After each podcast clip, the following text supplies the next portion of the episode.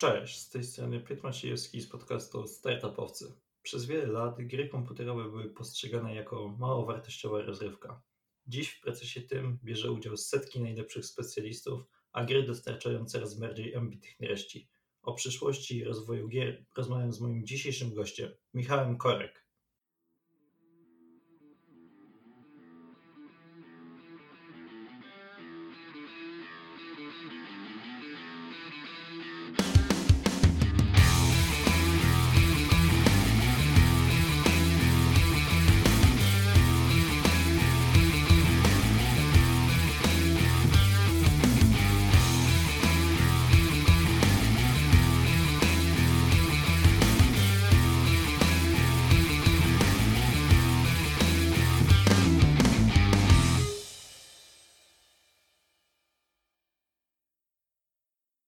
Cześć Michał, witam Cię bardzo serdecznie. Dzięki bardzo, że znalazłeś czas na rozmowę i przyjąłeś e, zaproszenie do mojego podcastu. Hej, cześć. Na początek pytanie, które zazwyczaj zadaję e, moim gościom trochę w nieco innej formie, ale ponieważ z tego, e, co, co opowiadałeś o sobie, to ty od początku w sumie zajmowałeś się grami komputerowymi, więc nieco zmienię, bo pytanie, które zawsze zadaję moim gościom brzmi w sposób następujący, jak zaczęła się ich e, ścieżka kariery, zanim zaczęli się zajmować tym, czym się obecnie zajmują.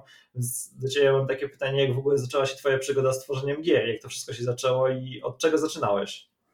Okej, okay, to jest e, w sumie ciekawa kwestia, bo właściwie to zaczęło się to w gimnazjum i nie zaczęło się tak właściwie od tworzenia gier. E, była jakaś lekcja informatyki i, i, e, i mój nauczyciel wtedy boda, e, przedstawił mi bodajże pierwszy język programowania. I jakoś mi się to spodobało. Stworzyłem swoją pierwszą stronę, jakoś tak to było wiek 13-14 lat. I, i, i sobie tworzyłem te strony przez jakieś dwa lata. Aż następny nauczyciel mnie zaprosił na taką sesję tworzenia gier przez, przez weekend i tam mi się to na tyle spodobało, że od tego czasu dzień w dzień tworzę gry przez e, ostatnie lata. Więc mhm. właściwie taka dosyć krótka ścieżka e, po prostu od, od e, szkoły do, do tworzenia gier. Pamiętam, że gdy ja chodziłem do szkoły, trochę podobnie jak ty, tylko u mnie to było trochę w sferze marzeń. Ja bardzo chciałem stworzyć własną grę komputerową. E, tylko że mój jakby zamysł był już dość taki ambitny, aż pod, e, po profesjonalne e, rzeczy, czyli już coś, jakby projekt, który sobie wymyśliłem, to wymagał jakby zaangażowania wielu ludzi, tak jak studio gier komputerowych i skończyło się to tylko na marzeniach, a ani, ani trochę jakby nie zacząłem nic w tym kierunku robić, poza tym, że trochę, trochę się nauczyłem programować.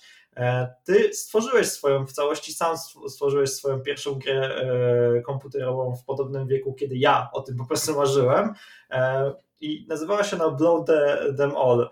Opowiedz proszę o tym projekcie, bo później zdaje się sprzedałeś w innej firmie. Tak, dokładnie, ale jeszcze najpierw tylko nawiążę do tego, co mówiłeś na samym starcie. Ja też tak właśnie miałem, że ja zacząłem od tworzenia wielkich gier, chciałem zrobić jakieś gry typu właśnie MMORPG, czyli gry na setki osób, które, które mają otwarty świat i też moje pierwsze, myślę, z 20 gier upadło. Też na początku, mając chyba 16 lat, założyłem dwa zespoły, które, które tworzyły gry. Były to zespoły 3-4 osobowe. I, I to też wszystko upadło po dwóch, trzech miesiącach, po prostu z braku doświadczenia, jak to się powinno robić i, i przede wszystkim z zawyższonych ambicji. Po prostu chciało się, się stworzyć grę, y, która na tą chwilę bym ocenił, że to są 2-3 lata przez większy zespół y, do stworzenia. Y, także to jest klasyczne w sumie w tej, w tej, w tej naszej okolicy tworzenia gier, a odnośnie tej gry, mm, o, o której wspomniałeś, E, to tak, stworzyłem grę. E, co prawda nie była to gra komputerowa, a to była gra mobilna, czyli na urządzenia iOS oraz Android. E, jest to gra, która, która, którą stworzyłem jak jeszcze byłem na uczelni. To był czas, kiedy rzucałem uczelnię i wtedy stwierdziłem, że muszę się zająć stworzeniem gier zawodowo, bo póki co robiłem to hobbystycznie, też tworzyłem niekiedy zlecenia dla innych osób, więc, więc, więc tak. I jak w sumie się rozwinął ten projekt? W sensie sam jakby do końca jakby sam, sam, to tworzyłeś, czy zbudował się z tego w końcu jakiś e, zespół, czy tylko stworzyłeś jakby ten taki pierwotny, bo jakby rozumiem, że ta gra, która została kupiona od ciebie jest dalej rozwijana przez, e, przez firmę, która to od ciebie e, kupiła. Mhm. Gra aktualnie nie jest już, już wspierana. Nie wiem, czy jeszcze w ogóle jest na sklepie, ponieważ firma chyba aktualnie nie opublikowała, y, bo y, możliwe, że coś innego z nią robi, albo po prostu przestała ją y, wspierać, bo też tak się bardzo często robi, jeżeli chodzi o tworzenie gier mobilnych. A jeżeli chodzi o zespół, to nie było nikogo, ja to sam tworzyłem wszystko. Zaczęło się od tego, że kolega mm, Pamiętam chyba, że podrzucił wtedy mi pomysł na jakąś grę i ten pomysł jakby przerodził się właśnie w mój i, i to była ta gra. Y, tam wszystko zrobiłem od strony deweloperskiej, przez grafikę, przez opublikowanie, przez design y, i przez audio, ale właściwie audio było ściągane y, i tylko tam tworzyłem już implementację. Mhm. Powiedzieliśmy o tym, że gry komputerowe to w dalszym ciągu jakby no, obecnie w tej chwili się zatrudnia masę ludzi i takie projekty typu e, już takie zaawansowane, typu na przykład projekty jak, jak Wiedźmin, e, czy, czy, czy, czy obecnie CD Projekt, który, który za miesiąc, jeśli nic nie zostanie przesunięte, ujrzy światło dzienne, to zespół setek, a nawet już tysięcy, tysięcy ludzi zaangażowanych. E, kiedyś, kiedyś rozrywka była, kiedyś gry komputerowe były postrzegane tylko jako, gry, jako rozrywka, a obecnie się to zmieniło, bo gry oprócz tego, że dostarczają rozrywkę, to dostarczają też wartości, czego przykładem może być gra e, This War of Mine, która w niedawnym czasie weszła nawet do kanonu e, lektur. I powiedz, jakie ty wartości dostrzegasz w grach, oprócz oczywiście fenomenalnej rozrywki? Mm, okej, okay. to jest bardzo ciekawe pytanie i bardzo rozbudowane i można się na nie e, mocno rozwinąć, dlatego że aktualnie gry to nie są już tylko gry na komputer i gry na, e, gry na mm, iOS oraz Androida, tylko to są też gry na przykład na VR. I w takich grach, a bardziej symulacjach, bo to już się w to, w to się przerodziło, można na przykład, ostatnio widziałem taki projekt bodajże leczyli za pomocą gry na VR strach przed kłuciem igieł. Mój kolega przy tym właśnie tworzył bodajże anim, chyba animację. Także wartości w grach mamy bardzo dużo. To też zależy w jakie gry osoba chce grać i, w jakie chce wchodzić, bo tak naprawdę są gry, które powiedzmy są trochę mniej rozwijające, na przykład jakieś strzelanki i tak dalej, ale są takie, które mają historie, które mają e, przyrodę, które rozwijają, jeżeli chodzi o świat. Także tego naprawdę jest wiele i, i, i wydaje mi się, że tych wartości można spotkać naprawdę sporo. Mhm. A jakie, jakie, jakie ty rzeczy takie jakby dostrzegasz, które, w, który, w którym kierunku jakby gry komputerowe mogłyby się rozwinąć powiedzmy za te 10-15 lat? No bo wspomnieliśmy o tym, że VR jest coraz bardziej E, coraz bardziej gry idą w tym kierunku, e, chociaż gdzieś też ta technologia trochę została e, po, po, porzucona przez, przez wiele firm, że nie, nie powstało aż, aż tyle gier, jak się mówiło na początku, gdy, gdy VR wchodził, bo mówiono o projektach właśnie typowo też gier fabularnych z zastosowaniem VR, obecnie często to są takie gry dość minimalistyczne, albo właśnie tak jak wspomniałeś, są stosowane przy grach typowo rehabilitacyjnych na przykład albo, albo terapeutycznych. E, więc jaką ty widzisz taką jakby kierunek e, gier, w które one się mogą rozwinąć?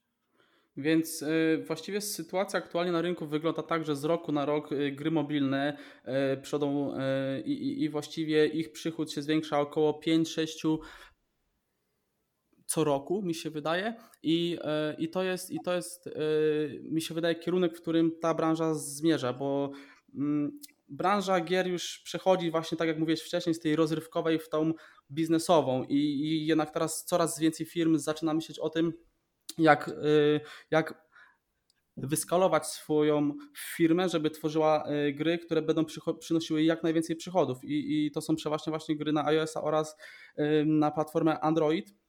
Więc wydaje mi się, że, że to będzie, się, y, że to będzie szło, w, szło w tym kierunku. Gry na VR może kiedyś, jak to jeszcze ta technologia będzie bardziej rozwinięta. Aktualnie, tak jak wspomniałeś, y, wiele firm nie potrafi stworzyć dobrej gry na VR. Są naprawdę nieliczne firmy, które potrafią coś stworzyć i powiedzmy mają e, jakieś przemyślenie na ten. E, bo to, jest, to jest duży problem stworzyć grę na VR, bo mamy bardzo dużo mm, jakby obostrzeń, które, które, e, które nam to daje, więc, więc mi się wydaje, że będziemy szli w kierunku gier mobilnych.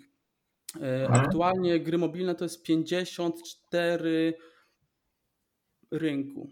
Tak, tak mi się wydaje. I co roku to idzie do przodu. E, bodajże 3 lata temu, w 2017 roku, to było 42, więc, więc to wszystko idzie do przodu i wydaje mi się, że to jednak będą gry mobilne.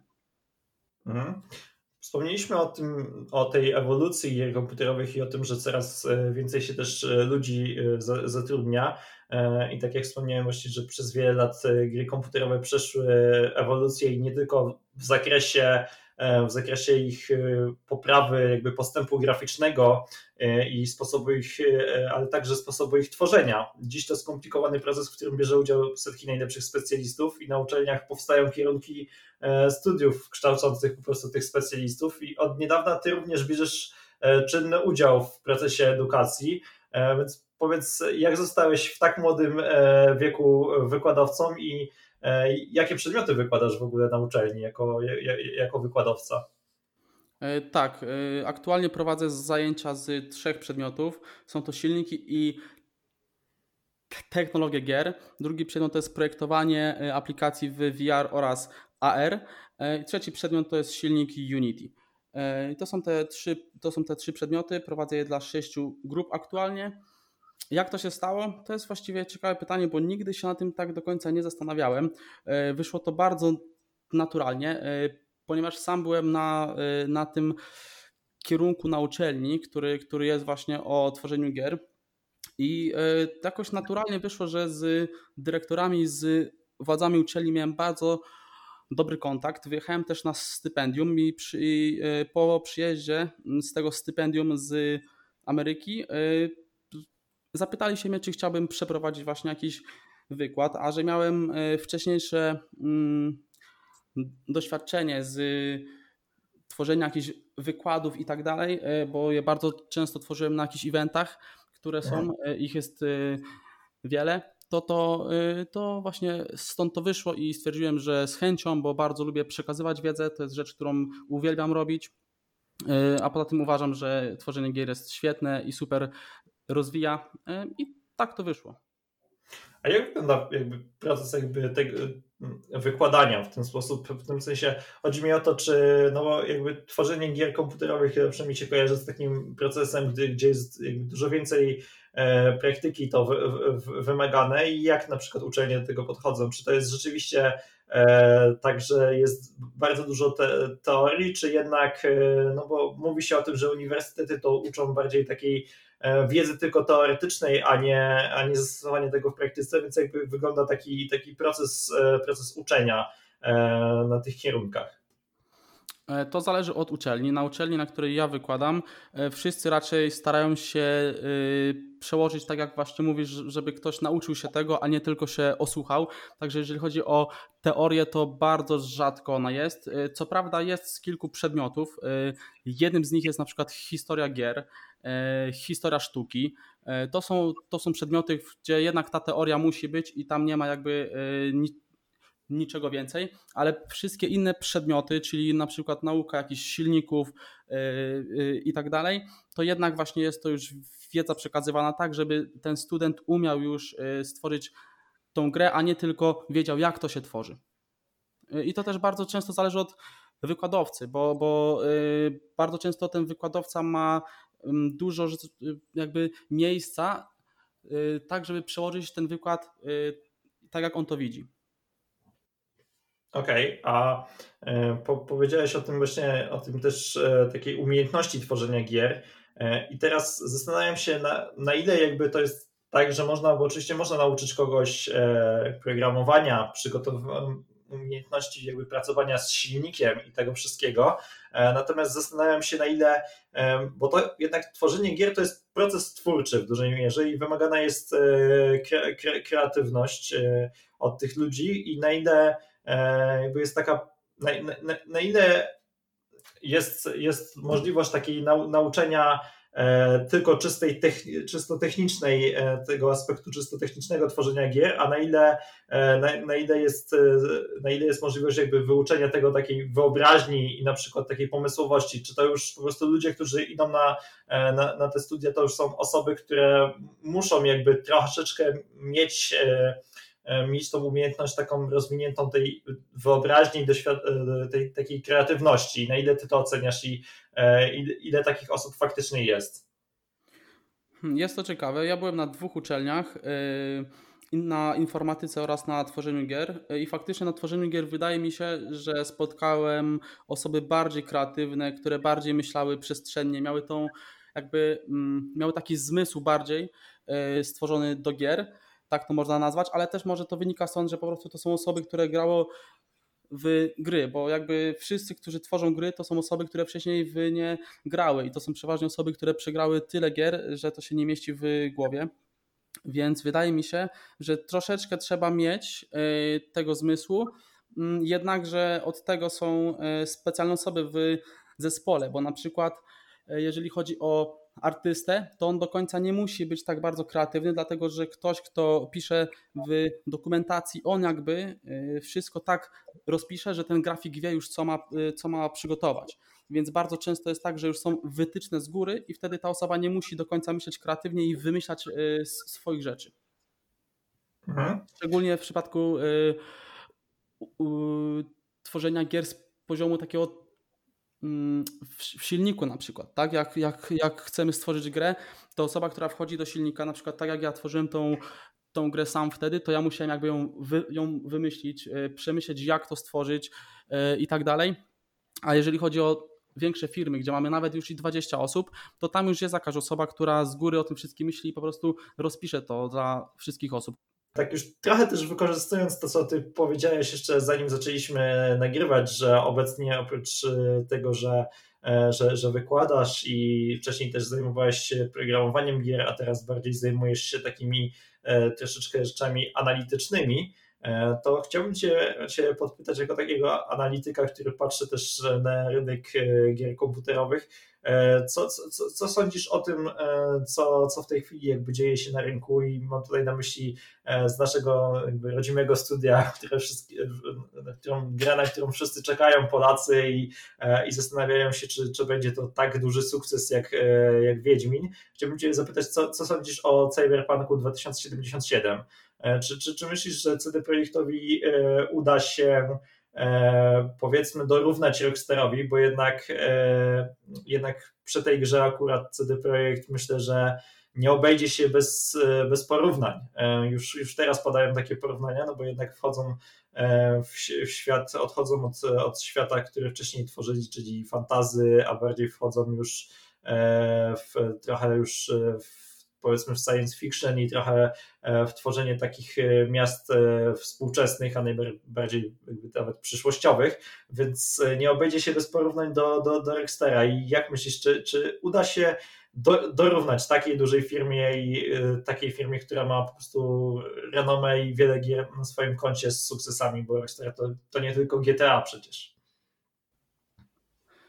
Tak, dokładnie. Myślałem o tym dzisiaj jest to bardzo ciężka kwestia, bo z jednej strony ta gra jest bardzo napompowana, jeżeli chodzi o marketing, też mają y, gracze wielkie oczekiwania właśnie przez Wiedźmina, mm, aczkolwiek znam osoby, które tworzą y, tą grę y, i wiem, że to są osoby, które znają się na, się na tworzeniu gier, wiem, że to są osoby, które mają jakby naprawdę dużo lat w, w w tworzeniu gier, więc wydaje mi się, że na pewno ta gra będzie dobra i nastawiam się, że, że y, tutaj nie będzie y, już więcej też przesunięć, y, bo już były dwa bodajże. Dlatego, dlatego mi się wydaje, że będzie to gra bardzo dobra i że dorównają tutaj. To jest też ciężka sprawa, bo firmy w branży gier też ja bym takich nie przyrównywał, bo to są trochę inne jakby trochę inne sprawy, ale wydaje mi się, że to jest już ten wysoki, czyli światowy level w tworzeniu gier i, i, i mam nadzieję, że moje oczekiwania się spełnią już za miesiąc. Tak, no znaczy jakby tutaj e, też to pytanie było tak e, trochę skierowane do ciebie ze względu na to, że e, dla, dlaczego tak postawiłem, czy, czy dorówna akurat Rexterowi, z tego względu po prostu, że CD Projekt po stworzeniu Wiedźmina 3 e, media okrzyknęły, że wszedł do powiedzmy tej Digi Mistrzów, tak? czyli że znalazł się w tych trójce najlepszych producentów gier komputerowych na świecie, czyli Blizzarda, e, Rockstara i, i że dołączył po prostu do nich e, E, do, tych, do tych dwóch największych, największych producentów i po prostu e, w momencie, kiedy na przykład CD Projekt zaczął mieć trochę problemy e, powiedzmy z, z fizyką jazdy w, w Cyberpunku, no to zaczęto ich od razu już tak trochę porównywać do, do, do Extera. W sumie o, o, o, Cyberpunku się mówi, to oni są porównywani, więc było trochę zżytów w, od, fanów, od fanów Cyberpunka i ludzi, którzy na to, na to grę czekają, że ten system jazdy nie, nie najlepiej im e, e, wyszedł i wysnuła się taka obawa, że CD Projekt nigdy nie miał jakby doświadczenia w e, tworzeniu modelu jazdy, tak? no bo nigdy tego nie robili, zawsze zajmowali się E, Wiedźminem tak od samego początku to była ich pierwsza gra, która została zaprojektowana jako trylogia i e, od, o, przez wiele lat tylko tym się zajmowali, więc to jest, to jest dla nich w sumie nowość i zastanawiali się, wiele ludzi się zastanawiało na ile oni sobie z tym, e, z tym poradzą, ale z tego co słyszałem na ten moment to jest w tej chwili bardzo dobrze i CD Projekt wy, wy, wyrnął ze wszystkich kłopotów związanych z Cyberpunkiem, więc mam nadzieję, że to będzie gra roku. E, tak, wiesz co, gra, e, w sensie ta firma dołączyła, jest teraz bodajże siódma albo szósta na świecie, czyli stoi bardzo, bardzo wysoko. Mm, a jeżeli chodzi o e, ten model jazdy, to wydaje mi się, że na pewno firma przyjęła nowe osoby, które mają doświadczenie z tym już związane i o to bym się też nie martwił mi się wydaje, że po prostu trzeba przeczekać ten miesiąc, nie ma co myśleć o tym e, i zobaczymy po prostu, jak ta gra wyjdzie na samym końcu, bo z grami niestety jest tak, że ta końcówka to jest taki najgorszy czas, bo tam zawsze coś się jeszcze szlifuje, jeszcze coś się tam chce e, stworzyć. Dlatego wydaje mi się, że jak gra będzie w opakowaniu, to wtedy możemy ją oceniać. A póki co, e, ja bym się po prostu jeszcze trochę z tym wstrzymał. Michał, bardzo dziękuję Ci za rozmowę i życzę kolejnych e, wspaniałych projektów gamingowych. E, mam nadzieję, że również kiedyś dołączysz do zespołu e, firmy, która jest tak duża jak, jak, jak CD Projekt i będziesz tworzył jedne z lepszych gier na świecie. I dziękuję Ci bardzo za to. Subskrybuj podcast Startupowcy, by nie przegapić nowych odcinków. Do usłyszenia.